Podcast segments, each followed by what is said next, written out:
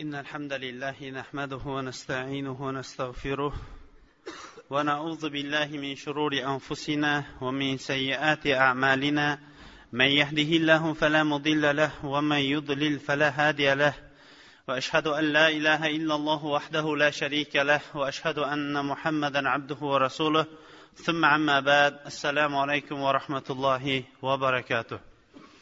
Odatdagiday suhbatimizni avvalida biz alloh taoloning go'zal ismlari va oliy sifatlari bilan ushbu majlisimizni muborakli va davomiy va turli kattayu kichik xatolardan xoli bo'lgan majlislardan qilishligini tarqalishligimizda esa alloh taoloning ilm halaqalarini qidirib yuruvchi farishtalari bizlarga qarata ey ollohning bandalari endi sizlar o'rninglardan turaveringlar vaholanki sizlarning gunohinglar endi kechirilindi degan majlislardan qilishligini so'rab suhbatimizni boshlaymiz.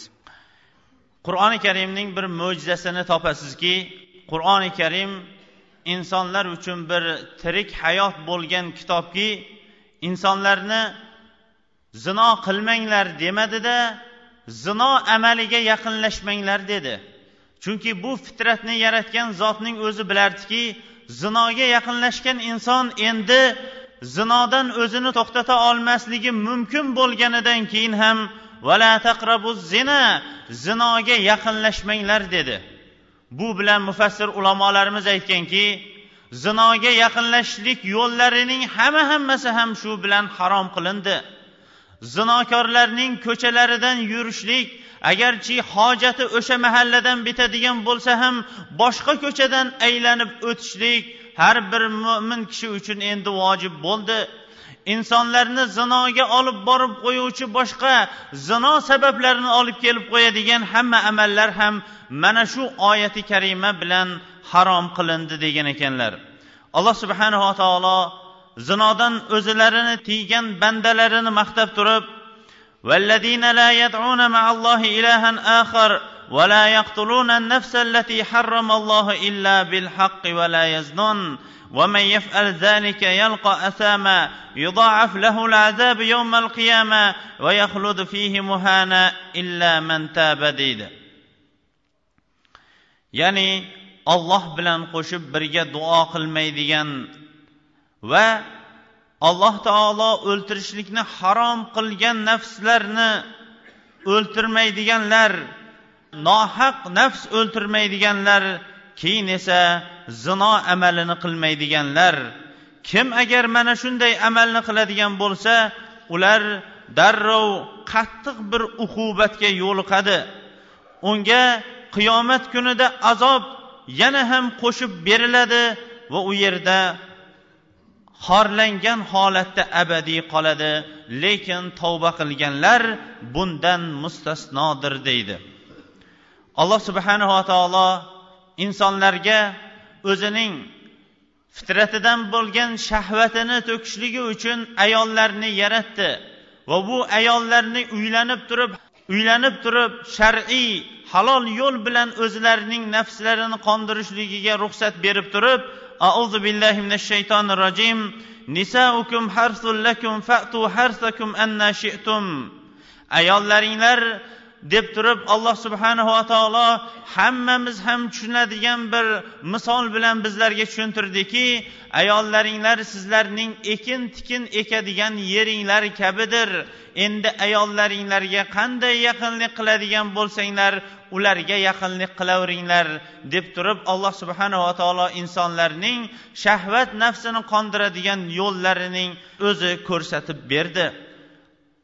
alloh subhanava taolo najot topgan mo'minlarning sifatlarini bayon etib boshqa oyatda auzu billahi minash shaytonir rojim qad aflahal mu'minun vallazina fi solatihim xoshiun najot topgan mo'minlar deb turib alloh subhanava taolo najot topgan mo'minlarning bir qancha sifatlarini bayon qilib berdi.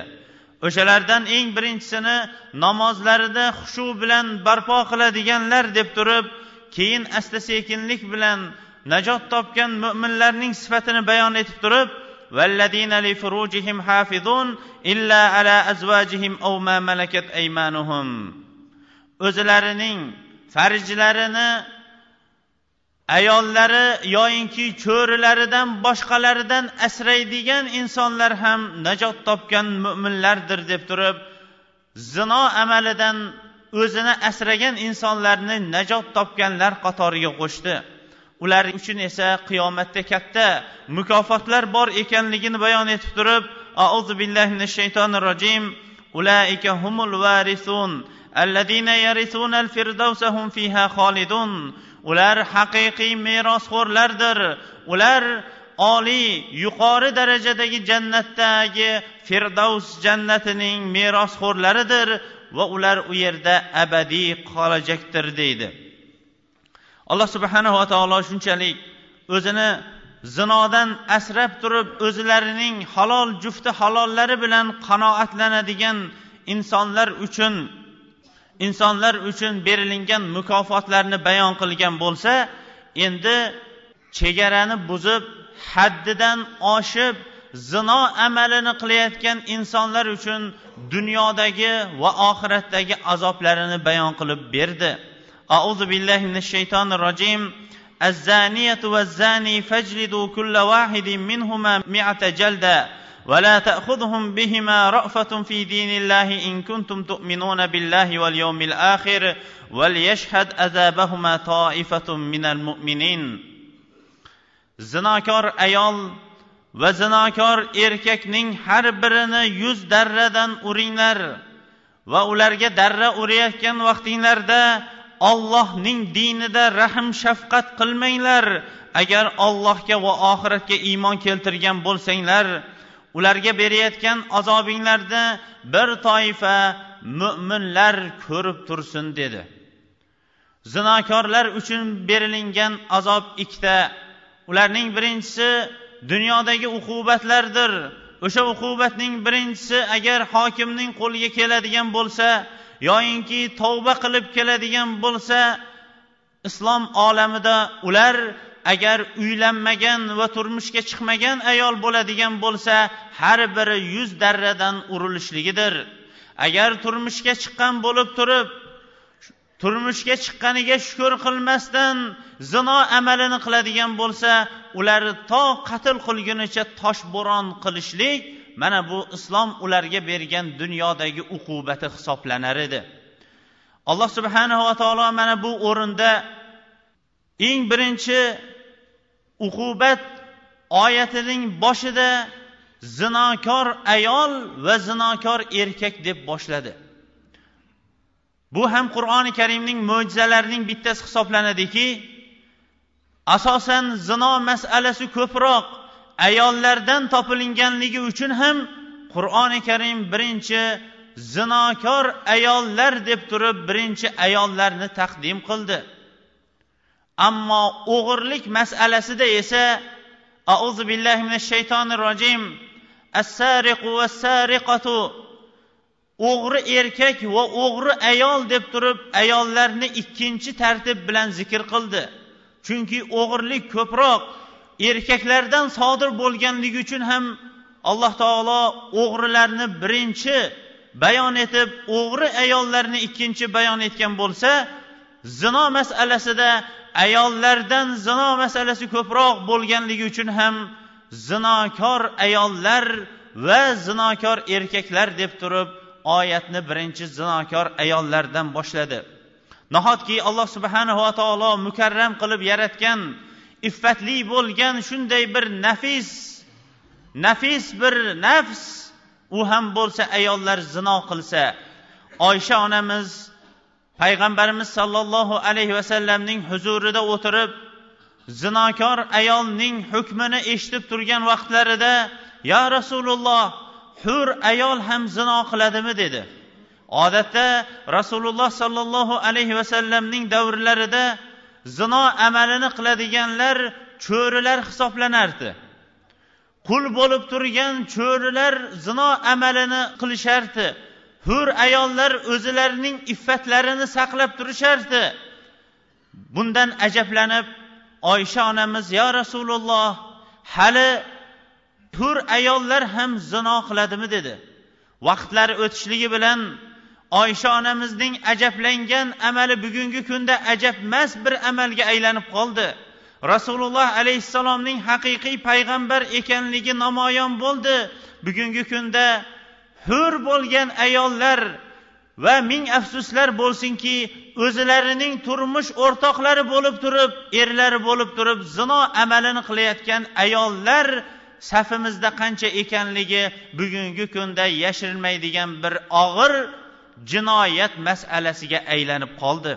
Alloh subhanava taolo ularni ba'zan darra urishlik va agar turmush ko'rgan bo'lsa ularni toshbo'ron qilishlik jazosiga mahkum etdi.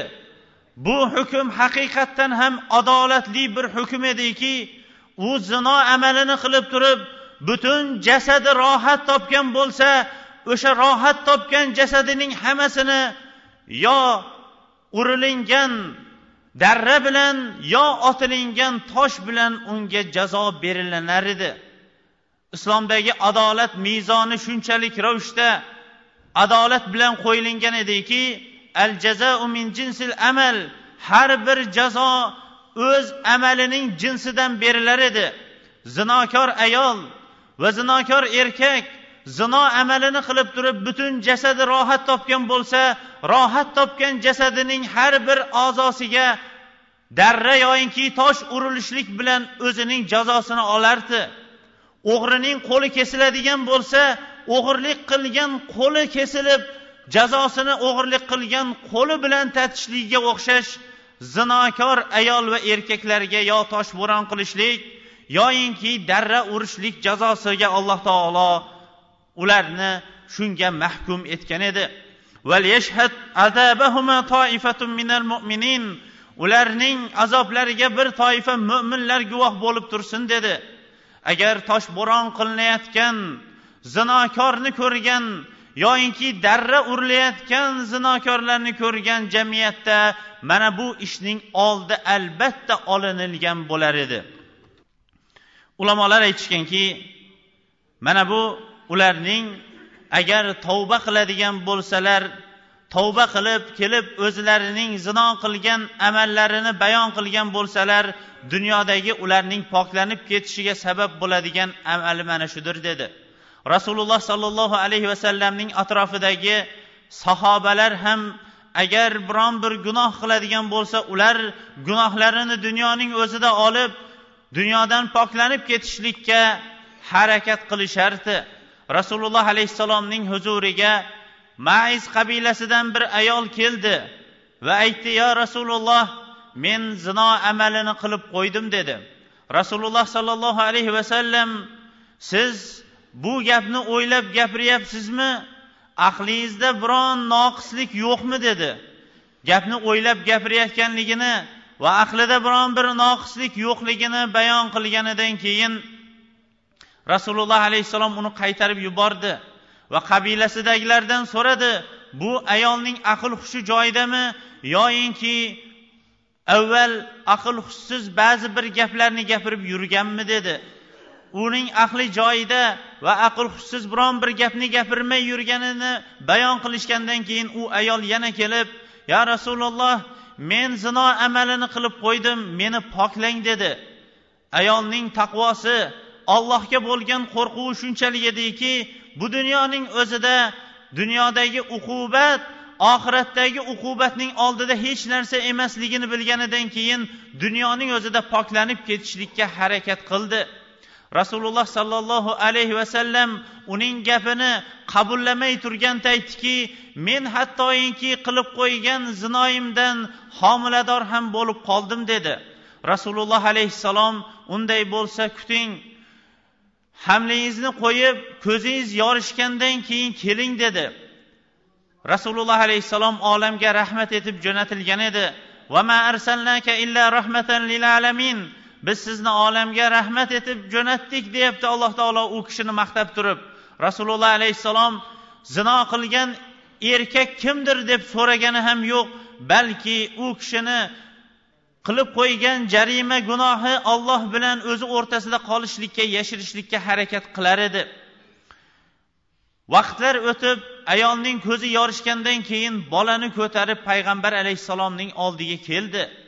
Ayolning taqvosi shunchalik ravishda bo'ldiki agar u ko'zi yorishganidan keyin qochib ketadigan bo'lsa yo madina shahrining o'zida payg'ambar alayhissalomning huzuriga kelmay yuradigan bo'lsa orqasidan odam jo'natmas edi. Lekin ayolning qo'rquvi zino amalidan bo'lgan qo'rquvi dunyoning o'zida uqubatida olib turib poklanib ketishlikka uni undardi. Keyin esa payg'ambarimiz alayhissalom bolani emdirib ikki yilgacha emdirishlik va o'zi ovqatlanadigan vaqtida kelishlikka buyurdi. Sarvari olam sollallohu alayhi vasallam bu ayolni yana ortga qaytardi. Hatto gunohi olloh bilan o'zining o'rtasida qolishligi uchun. Lekin vaqtlar o'tgandan keyin bu ayol yana o'zining farzandini ko'tarib keldi.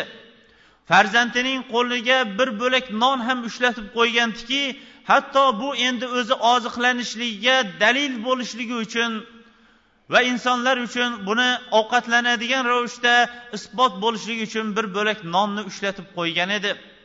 Rasululloh alayhissalomdan yana o'zini poklashlikni so'ranganidan keyin bolani ansorlarning bittasiga topshirdi va o'zini esa qalin kiyimlar bilan keng bo'lgan kiyimlarni kiydirib kiyimlarini o'ziga bog'ladi va musulmonlar o'rtasida toshbo'ron qilindi.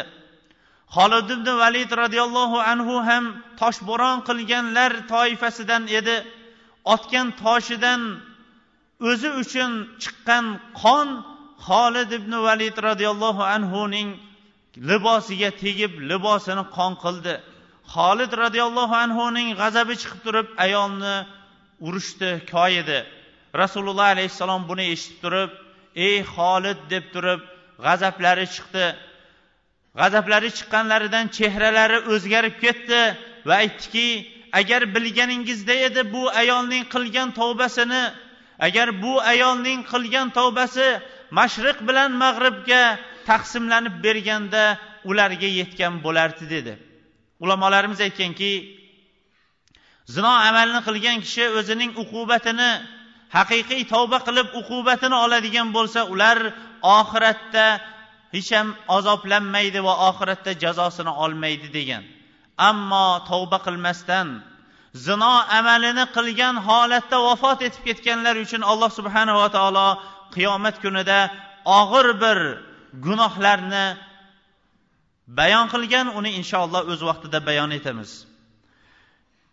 Rasululloh sollallohu alayhi vasallamdan imom ahmad imom buxoriy va muslimlar abu hurayra roziyallohu anhudan rivoyat qilgan hadislarida la yazni zani hina yazni va huwa mu'min ولا يسرق السارق حين يسرق وهو مؤمن ولا يشرب الخمر حين يشربها وهو مؤمن rasululloh alayhissalom aytdilarki zino qiluvchi odam zino qilayotgan vaqtlarida mo'min bo'lmaydi o'g'ri o'g'irlik qilayotgan vaqtlarida mo'min bo'lmaydi. Mast qiluvchi ichimlikni ichayotgan odam mast qiluvchi ichimlikni ichayotgan vaqtda mo'min bo'lmaydi dedi. Insonlar uchun agar siz uchun dunyoda berilingan eng qimmatli narsa nima deb so'raydigan bo'lsangiz ular turli javoblarni berishadi. Ba'zilari bola chaqa ba'zilari tan sihatlik ba'zilari esa mol dunyo deydigan bo'lsa va ba'zi insonlar aytishi mumkinki bu iymon deb. Haqiqatdan ham insonlar uchun eng berilingan bu dunyodagi eng qiymatli narsa u insonning iymoni hisoblanadi. Iymondan ko'ra inson uchun berilingan qiymatli narsa yo'qdir. Alloh subhanahu va taolo o'zi yaxshi ko'rgan va rozi bo'lgan bandalargagina iymonni beradi. Innaka la tahdi man ahbabta yahdi man yasha. Siz o'zingiz yaxshi ko'rgan kishini hidoyatlay olmaysiz lekin olloh o'zi xohlagan kishisini hidoyatlaydi deydi. Payg'ambarimiz alayhissalomga bu oyat tushgan vaqtida payg'ambarimiz alayhissalom o'zining amakisi bo'lgan abu tolibning oldidan yig'lab chiqib kelayotgan vaqtida mana bu oyat tushgan edi. Insonlar uchun berilingan eng qiymat narsa iymon hisoblanadi. Payg'ambarimiz alayhissalom agar dunyo ollohning huzurida pashshaning qiymatichalik qiymatga ega bo'lganida uni faqatgina mo'minlarga bergan bo'lardi allohning huzurida dunyo pashshaning qanotichalik qiymatga ega bo'lmaganidan keyin uni mo'minlarga ham kofirlarga ham berdi dedi. Demak inson uchun bu dunyoda berilgan eng qiymatli narsasi iymon bo'ladigan bo'lsa insonlarning eng ko'p so'raydigan va uni asrab avaylab olib qolib olloh bergan iymon bilan o'zining huzuriga iymon bilan borishlik har bir inson uchun vojib ham farz ham qarz bo'lgan amal hisoblanadi. Ammo bu hadisda payg'ambarimiz sollallohu alayhi vasallam zinokor zino qilayotgan vaqtida mo'min bo'lmaydi o'g'ri o'g'irlik qilayotgan vaqtida mo'min bo'lmaydi. Mast qiluvchi ichimlikni ichayotgan odam mast qiluvchi ichimlikni ichayotgan vaqtida mo'min bo'lmaydi dedilar. Alloh o'zi saqlasin zino amalini qilayotgan odam o'sha vaqtda o'lim farishtasi kelib uning jonini oladigan bo'lsa iymoni qayoqda qoladi? Mast qiluvchi ichimlikni ichib turgan vaqtida iymoni boshqa hadisda keladi. Mana shu yuqorida aytilingan amallarni qilib turgan vaqtda inson xuddi o'zining libosini yechib qo'yganga o'xshash undan iymoni yechilib turadi boshqa hadislarda esa iymoni yuqoriga ko'tarilib turadi dedi. Mana shu yuqoridagi amallarni qilayotgan vaqtda ularga o'lim soati kelib qoladigan bo'lsa olloh o'zi asrasin iymonlari qaysi holatda ketgan hisoblanadi. إذا زنى العبد خرج منه الإيمان فكان كالذلة على رأسه ثم إذا أقلع رجع إليه الإيمان payg'ambarimiz alayhissalom iymonning qayoqqa ketishligini keyingi hadisda rivoyat etib turib agar banda zino qiladigan bo'lsa undan iymon boshidagi soyabonga o'xshash boshining yuqoriga ko'tarilib turadi va agar bu amalidan to'xtaydigan bo'lsa yana iymon o'z asliga qaytadi dedilar. Rasululloh sollallohu alayhi vasallamdan ba'zan sahobalar kelib gunohlarning katta kichikligi va katta gunoh kichik gunoh haqida ba'zan so'rab ham turishardi.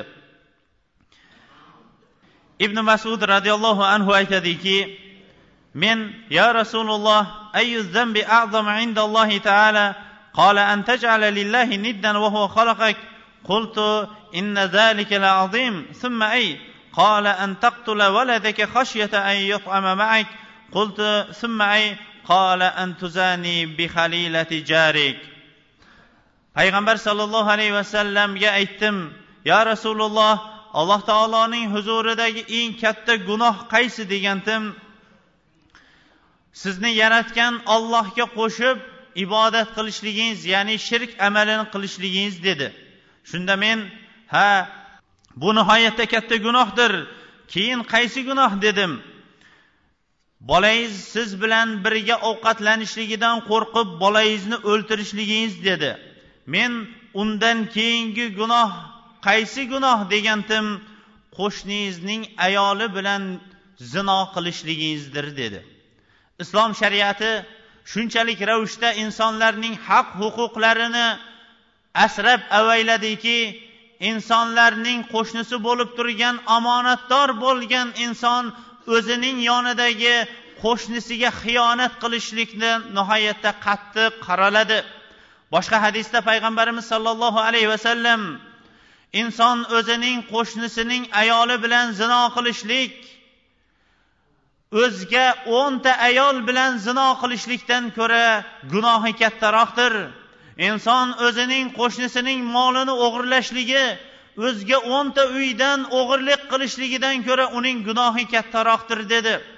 Insonlar mukarram qilib yaratgan insonlarning o'zlarining nafs nomuslarini saqlashlik keyin esa qo'nu qo'shnilarning nomusini saqlashlik ana undan keyin esa o'zining yaqinlari mahramlarining nomuslarini saqlashlikka islom buyurdi.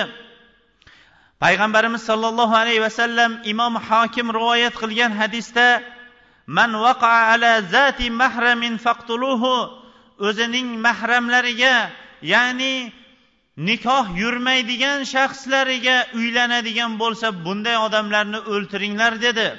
Shunchalik ravishda o'zining opasi singlisi yoyinki o'ziga nikoh yurmaydigan ravishdagi mahramlik ravishdagi yaqin bo'lgan insonlarga zino amalini qiladiganlarga og'ir choralarni payg'ambarimiz sollallohu alayhi vasallam buyurdi. Barro aytadiki payg'ambarimiz sollallohu alayhi vasallam mening tog'amni bir kishiga jo'natayotganini ko'rdim. Nima bilan payg'ambar alayhissalom sizni jo'natdi deganda degandim aytdiki falon kishi o'zining ikkinchi otasi vafot etgandan keyin o'zining ikkinchi onasiga uylanibdi. Payg'ambar alayhissalom meni uni oldiga jo'natib uni o'ltirda molini musodara qil deb meni jo'natyapti dedi. Shunchalik ravishda islom zino masalasidagi mahramlar masalasini ham shunchalik ravishda hifzu himoya qildi. Bu dunyodagi uqubatlarining ba'zisi hisoblanadigan bo'lsa zino amalini qilgan insonlar bugungi kunda og'ir bir uqubatga duchor bo'ldi. Bu uqubat shunchalik og'ir uqubat bo'ldiki bizni ota bobolarimiz bilishligi u yoqda tursin ularning yetti uxlab tushlariga kirmaydigan og'ir bir uqubatga uchradi. Bugungi kunda biz uchrab turgan zino orqasidan uchrab turgan katta vaboni payg'ambar alayhissalom o'n besh asr avval bayon etib qo'ygan edi. Aytgandilarki qaysi bir qavmda zino amali tarqaladigan bo'lsa ota bobolari ko'rmagan vabolarga uchraydi degan edi. Islom ummati islom tarixi bo'yicha spid va uning aka ukalarini tanimagan islom diyorida yashab turgan ota bobolarimiz spid va uning aka ukalaridan iborat bo'lmish og'ir kasalliklarni ular yetti uxlab tushiga ham kirmagan. Ming afsuslar bo'lsinki mana bu zino amali islom mamlakatlarida islom diyorlarida tarqalishligi bilan mana bu kasallik ham ortidan tarqaldi. Alloh subhanahu va taolo mana bu illatni shunchalik bir og'ir illat bo'lar ekanki bu illatni davolovchilar aytadiki spid kasaliga duchor bo'lganlar ularning hamma badanlari qoqshab qattiq og'riydi. Suyaklari etlari har bir muskullari shunday og'ir og'riq bilan og'rib ma'lum vaqtlar kelgandan keyin o'lim bilan u yakunlanadi va bugungi kunda eng rivojlangan asbob uskunalar bilan spidning davosini topolmay turganligi hammamizga ham ma'lumdir. Zino amalini qilgan odam butun tanasi bilan zino amalini qilib rohatlangan edi. Alloh subhanahu va taolo unga bir azob jo'natdiki bu azobni o'zi sezmagan holatda ilintirib oldi va bu azob bilan uning butun badani suyaklari eti va butun o'zining muskullari og'riydigan ravishdagi og'riq bo'lgan jazoni unga berib qo'ydi. Mana bu ham zinokor uchun dunyoda berilingan bir og'ir musibat bo'ldi. Uning ustiga dunyodagi berilingan musibatlarning yana bittasi zino amalini qilinayotgan odam yoyinki zino amali qilib turgan jamiyatlarda hayo ko'tarilib ketar ekan. Payg'ambarimiz sollallohu alayhi vasallam إن مما أدرك الناس من كلام النبوة الأولى إذا لم تستحي فاصنع ما شئت payg'ambarliklardan avvalgi payg'ambarlikdan meros bo'lib kelayotgan gap shuki agar hayo qilmaydigan bo'lsangiz uyalmaydigan bo'lsangiz xohlaganingizni qiling degan avval payg'ambarlardan kelayotgan mana bu meros kalimadir dedilar haqiqatdan ham zino amalini qilayotgan insonlarda hayo masalasi mutloq ko'tarilib ketdi. Chunki u ochilmaydigan pardani o'zgalar uchun ochishligi bilan boshqa undan yengilroq bo'lgan pardalarning ko'tarilib ketishligi jamiyatda jamiyatda hayosizlik uqubati barpo bo'lganidan keyin esa asta sekinlik bilan farzandlarning ota onalarga oq bo'lishligi shu sababli alloh taolo osmondan yomg'irni to'xtatib qo'yishligi va turli vabolarni jo'natishligi qarindosh urug'larning o'rtasi uzilishligi yetimxonalarning ko'payishligi benikoh tug'ilingan farzandlarning ko'payishligiga o'xshash vabolar jamiyatda ko'payib ketishligini oldini olgan holatda shariatimiz buni bizlarga shunchalik uqtirdi. Mana bu dunyodagi zinokorlar uchun berilingan ba'zi bir musibatlar bo'ladigan bo'lsa oxiratda ular uchun berilingan musibatni payg'ambarimiz sollallohu alayhi vasallam muttafaqun alayh bo'lgan hadisda bizlar uchun bayon qildilar. Payg'ambarimiz alayhissalomning odatlari shunday ediki bomdod namozini o'qiydigan bo'lsa o'zlarining doimiy azkorlarini namozdan keyin aytiladigan zikrlarni bayon qilib bo'lgandan keyin ba'zan insonlarning hollarini so'raganga o'xshash ba'zan odamlardan tush ko'rdinglarmi? deb ham so'rab turardi. Biz deydi roviy tush ko'rgan bo'lsak tushimizni bayon qilardik. Payg'ambar alayhissalom tushning tavilini aytib berardi yaxshilikka yo'yardi. Ba'zan esa o'zilari tush ko'rganlarini ham bizga bayon qilib berardi deydi.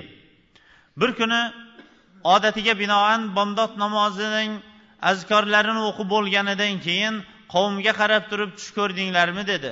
Qavmning birontasi tush ko'rmaganligini bayon qilganidan keyin o'zilari tush ko'rganligini aytdi. Bugun bu kecha men tush ko'rdim.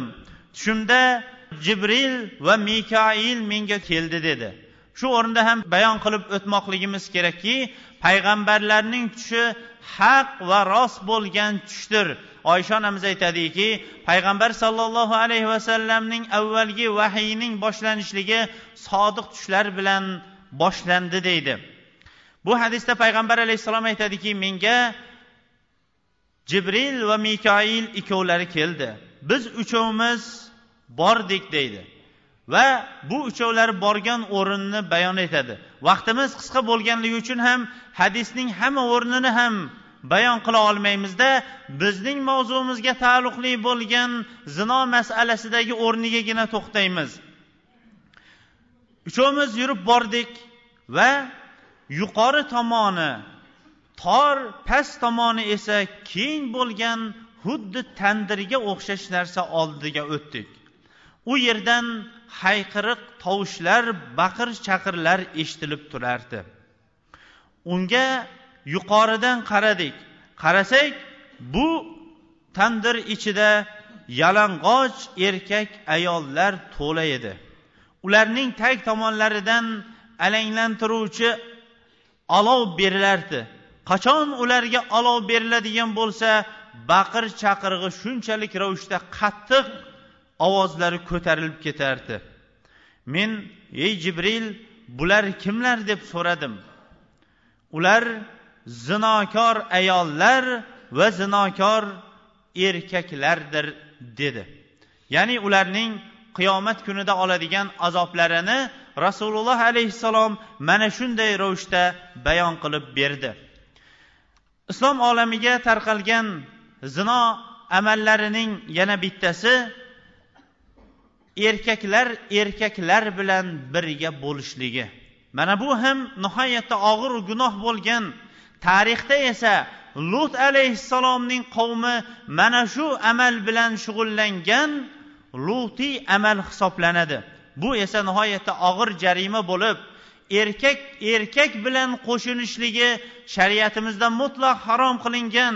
Ulamolarimiz esa buni qat'iy turib og'ir jazolarga bayon qilgan va shuning bobida ham aytib o'tishlik kerakki ayollar ayollar bilan birga bo'lib turib o'zlarining jinsiy shahvatlarini o'tashliklari ham shariatimizda nihoyatda qaytarilgan amallardan hisoblanadi. Shu o'rinda ham ba'zan savol tariqasida bizlarga kelib qoladigan savollarning shunday ba'zilari bo'ladiki o'shalardan bittasi o'zlarining shahvatlarini qo'llari bilan ado qilib olishliklari ham bayon etadigan xatlar ham kelib qoladi.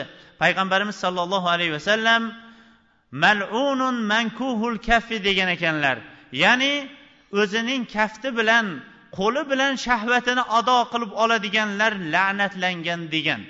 U yetmagandek bu inson qachon o'zining kafti bilan shahvatini ado etib oladigan bo'lsa ko'p tajriba bobidan shunaqa o'tdiki deydi tabobat ilmidagilar.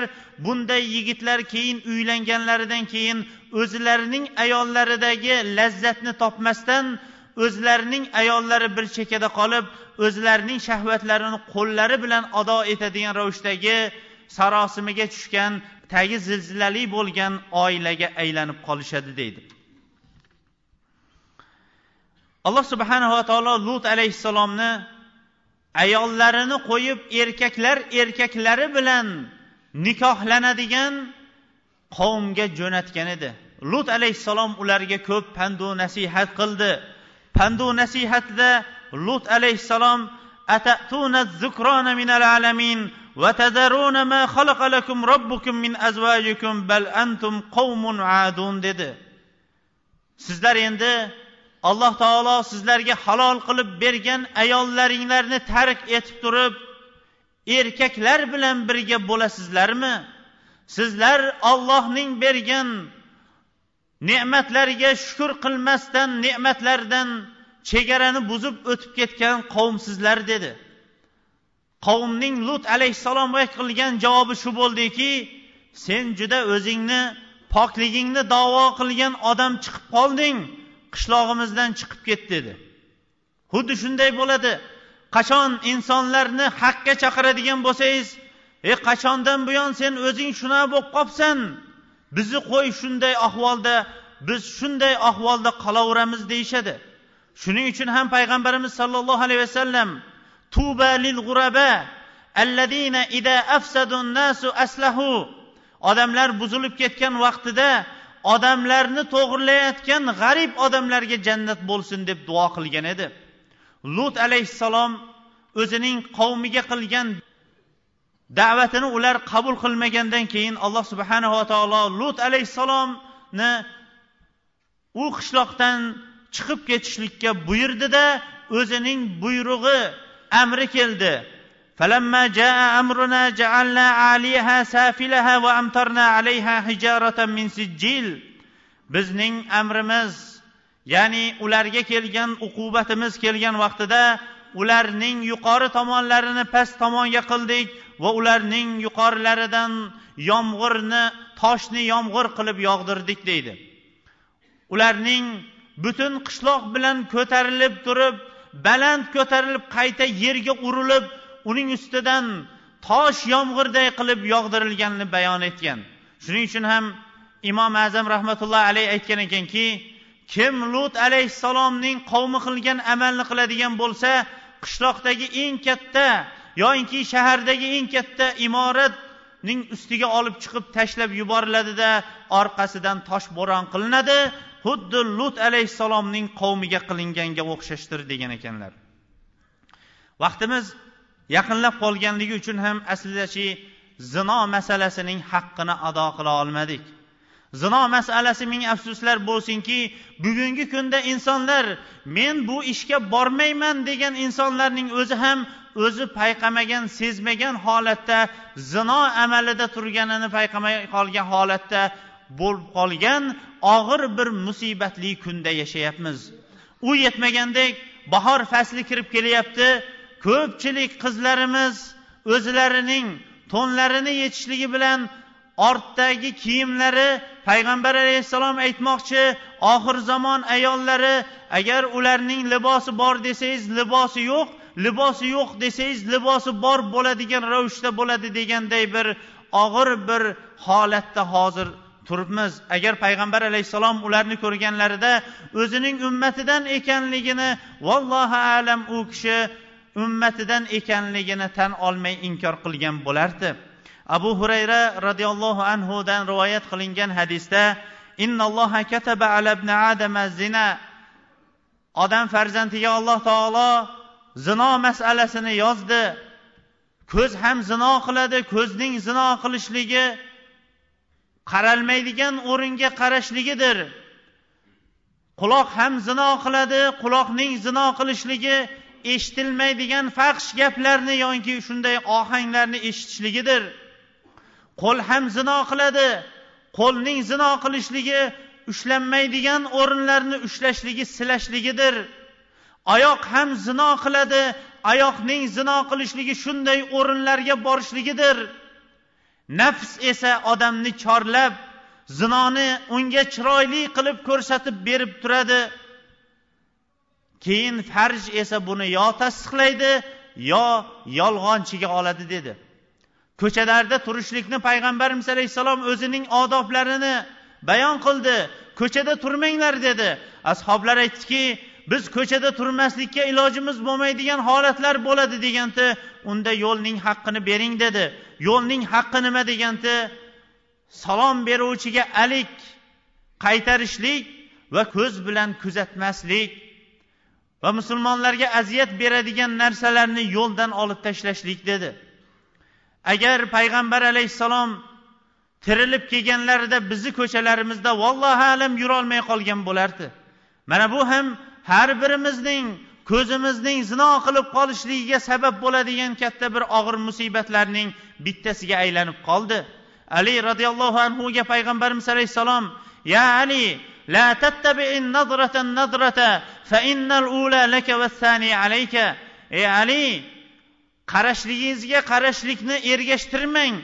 Chunki tasodifan birinchi qarab qo'yganligingiz keyin darrov nigohingizni olib qochganligingiz qiyomat kunida sizni foydangiz uchun hujjat bo'lsa qarashlik ortidan yana qarashligingiz sizni zararingiz uchun hujjat bo'ladi dedi. alloh subhanava taolo mo'minlarni mana bunday o'rinlarga qarashlikdan qaytarib turib قل للمؤمنين يغضوا من أبصارهم ويحفظوا فروجهم ذلك أزكى لهم mo'minlarga ayting ko'zlarini yumsinlar va farjlarini saqlasinlar mana bu ular uchun yaxshidir dedi ko'z bilan qarashlik ko'z bilan keyin tanishishlik jilmayishlik to'rtinchi yoyinki beshinchi bosqichda esa insonni zinoga olib borishlik aniq bo'lganligi uchun ham birinchi ko'zlarini yumsin keyin esa farjlarini saqlasin dedi. Bu xitob erkaklarning o'zigagina xos bo'lmasdan ayollar uchun ham bo'ldiki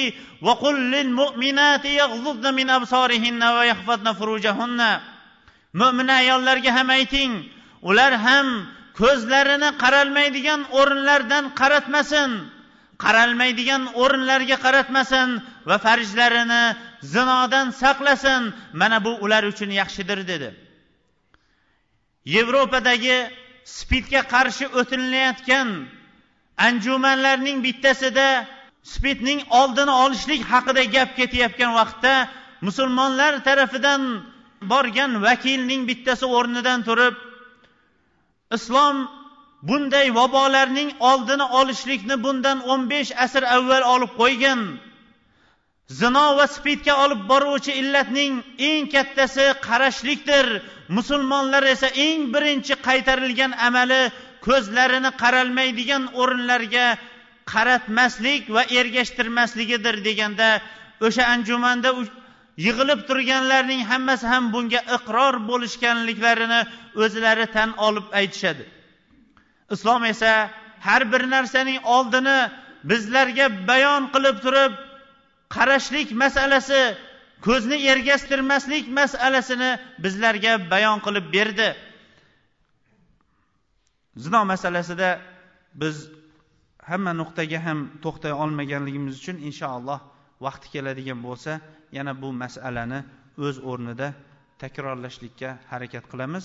Vaqtimiz yaqinlashib qolganligi uchun qisqa shu kelgan savollarga nihoyatda qisqa ravishda to'xtaymiz. Durari sharif kitobida janoza namozida qo'llar yechilgan holda salom berish kerak deyilgan. Shu savolga to'liq javob bersangiz janoza namozida qo'llar yechilgan holda salom berish ya'ni qo'llarni bog'lanmasligi haqida. Qo'llar bog'lanmasligi imom molik rahimaulloh mazhabida bor. Imom molik rahimaulloh o'zi qo'llar bog'lanmaydi demagan lekin qo'llari darra endi buning tarixi uzun darra olishlik sababidan qo'llari ishlamay qolib u kishi qo'llarini namozda bog'lay olmagan lekin qo'llar bog'lanmasin demagan. Har bir imom o'zini qilayotgan da'vatida o'ziga yarasha taziq olgan imom abu hanifa ham darra olgan imom ahmad ibn hambal ham darra olgan shular qatorida imom molik ham darra olib qo'llari ishlamay qolgan. Ammo bu imom abu hanifa rahimaulloh mazhablarida bu masalani bilmaymiz. Suratga tushsa bo'ladimi? Shuni tushuntirib bersangiz. Inshaalloh bu suratkashlik gunohi kabirasi kelgan vaqtida to'lig'i bilan inshaalloh tushuniladi. Lekin qisqa ravishda suratga tushishlik faqatgina hujjat ishlari uchun bo'lishlik usiz bo'lmaydigan ravishdagi zarurat o'rnidagina ruxsat boshqa o'rinlarda ruxsat emas. Ho'p domla shariatda uchuqlash degan narsa bormi? Shuni kengroq qilib dalillab dalillar bilan tushuntirsangiz iltimos.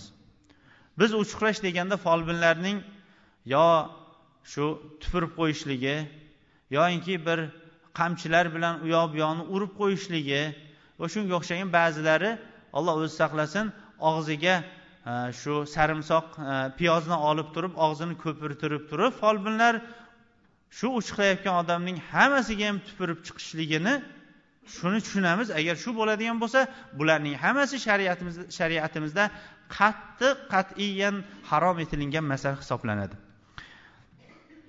Ho'p imomga ergashib o'qiyotganda fotiha surasini o'qish kerakmi? Shu haqida ozgina ma'lumot bersangiz bu o'zi ixtilofli masala. Ulamolarimiz o'rtasida ham ixtilof bo'lgan masalalar ixtilofiy masalalarni o'zimizga kelib so'rang. Ko'pchilik duo so'rashyapti ekan. Ho'p ba'zi bir shunaqa bir joylarda gullar qo'yishlik masalasini so'rashibdi. Bu shariatimizda unaqa narsalarga gullar qo'yishlik yoinki shunaqa narsalar oldida ta'zim qilishlik shariatimizda mutloq yo'q u narsalar uni avvalda ham bayon qilganmiz ho'p duo so'raganlarga duo qilaylik amin alhamdulillah vassalotu vassalamu ala rasulillah اللهم تقبل منا انك انت السميع العليم وتب علينا انك انت التواب الرحيم alloh subhanahu va taolo hammamizni ham qilayotgan toat ibodatlarimizni o'z dargohida qabul qilsin Ushbu juma bilan o'tgan juma o'rtasida bilib bilmay qilgan xatolarimizni o'zi mag'firat qilsin. Xonadonlarimizdan iymon va amali solih bilan o'tgan ajdodlarimizni o'z rahmatiga olsin. Farzandlarimizni o'zimiz o'ylagandan ham ortiqroq solih va soliha farzandlardan qilsin. O'zimizni esa o'zi yaxshi ko'radigan va rozi bo'ladigan amallarga o'zi muvaffaq qilsin. Bu yerda duo so'rashib mana tarbiyalovchi opalarimiz e, baxtjon opaga duo qilishligimizni so'rashibdi. Yana bir akamiz masjidga ehson qilib turib uy qurmoqchi ekan oilasini ham shu mazasi yo'q ekan ularga shifo berishligini so'rashibdi.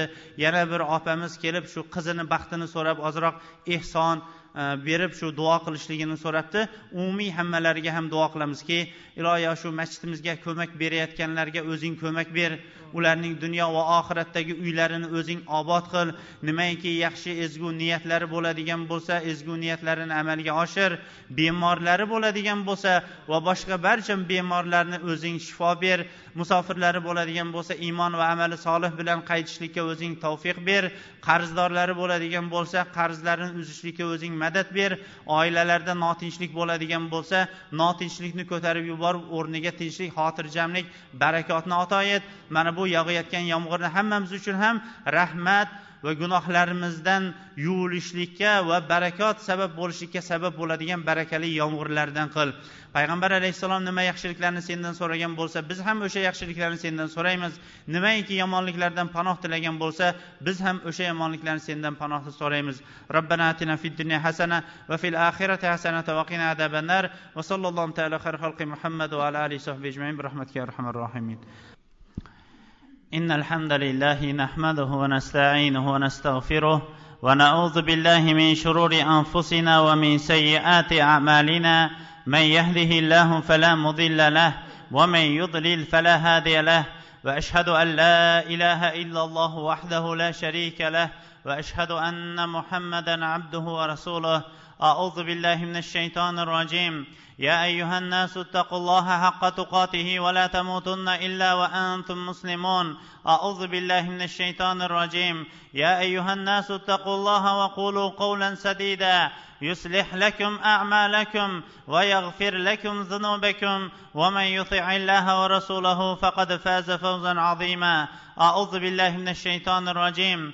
يا ايها الناس اتقوا ربكم الذي خلقكم من نفس واحده وخلق منها زوجها وبث منهما رجالا كثيرا ونساء واتقوا الله الذي تساءلون به والارحام ان الله كان عليكم رقيبا ثم عما بعد modomiki mavzumiz zino jarimasi gunohi haqidagi mavzu bo'lar ekan bu mavzu sahobalar ichida ham ba'zan bo'lib turar edi Bir kuni sahobalar o'zaro bir birlaridan so'rashib agar birontangiz o'zining ayolini o'zining tushagida boshqa bilan topib qolsa nima qiladi deb so'rashdi.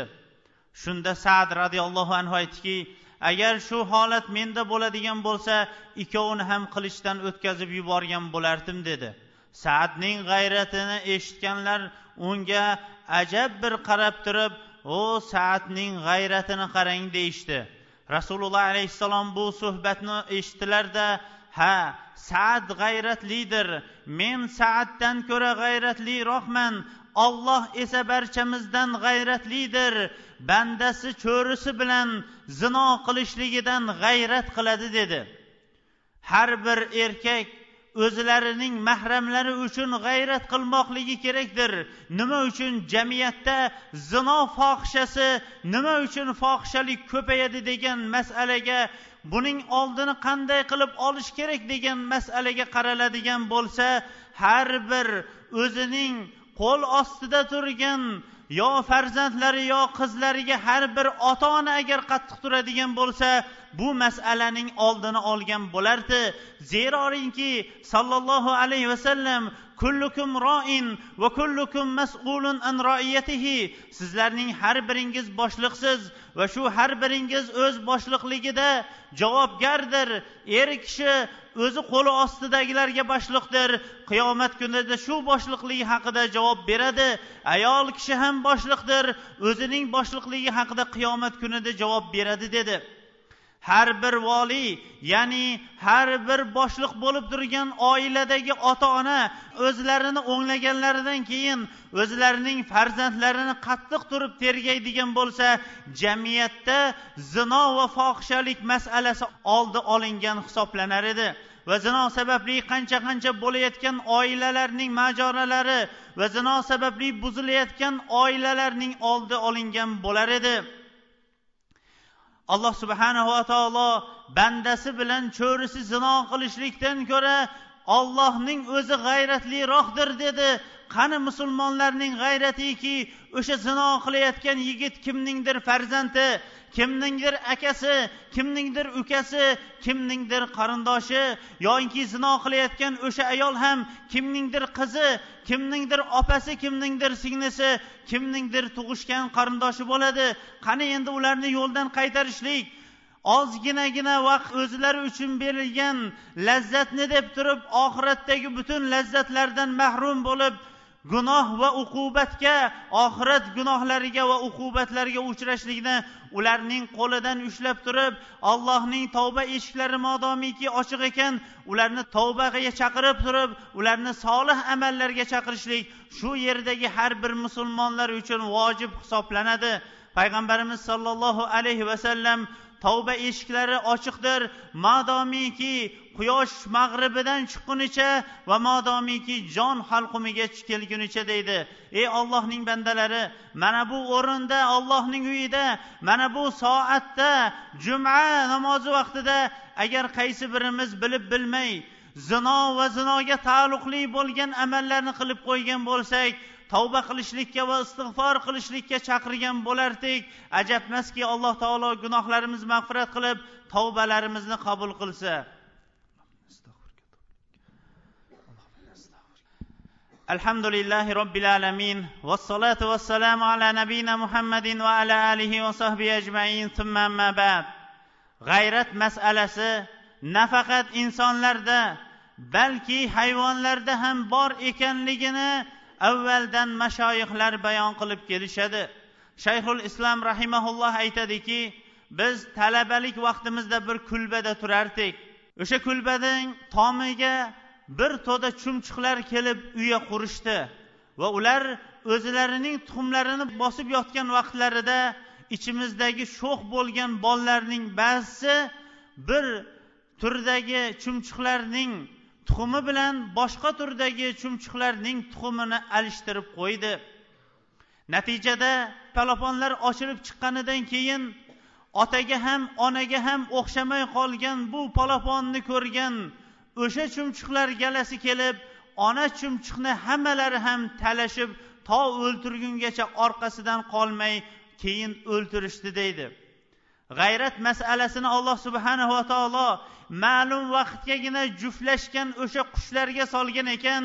Albatta musulmonlarning qalblariga iymonlariga amali solihlariga g'ayratni qo'yganki agar ularning jamiyatida biron bir zino yo shunga o'xshagan gunoh bo'layotgan bo'lsa darrov uning qo'lidan olib unga pandu nasihat berishlik va uni esa to'g'ri yo'lga solishlik har bir musulmon uchun vojib bo'lgan amallardan hisoblanadi. Mana bu o'rinda avvalambor o'zimga keyin esa har birimizga mana shunday amalni ko'rgan vaqtda ularga pandu nasihat berishlikni vasiyat qilgan bo'lardik. Bizlarga bu gunohning gunoh ekanligini bayon etgan payg'ambar alayhissalomga ko'proq salovatu salomlar yo'llaylik. Zeroiki u zot juma kuni o'ziga ko'proq salovatlar aytishlikka buyurgan. إن الله وملائكته يصلون على النبي. يا أيها الذين آمنوا صلوا عليه وسلموا تسليما. اللهم صل على محمد وعلى آل محمد كما صليت على إبراهيم وعلى آل إبراهيم إنك حميد مجيد. اللهم بارك على محمد وعلى آل محمد كما باركت على إبراهيم وعلى آل إبراهيم إنك حميد مجيد. اللهم أعز الإسلام والمسلمين وأذل الشرك والمشركين. اللهم يا رب المستضعفين نج المستضعفين في العالم. اللهم اشف مرضانا ومرضى المسلمين واقض الدين عن المدينين. اللهم ما كان حاجة من حوائج المسلمين إلا أديت وقضيت إنك ولي ذلك والقادر عليه. اللهم إنا نسألك من الخيرين ونعوذ بك من الشرين. عباد الله فاذكروا الله ذكرا كثيرا وسبحوه بكرة وأصيلا. وآخر دعوانا أن الحمد لله رب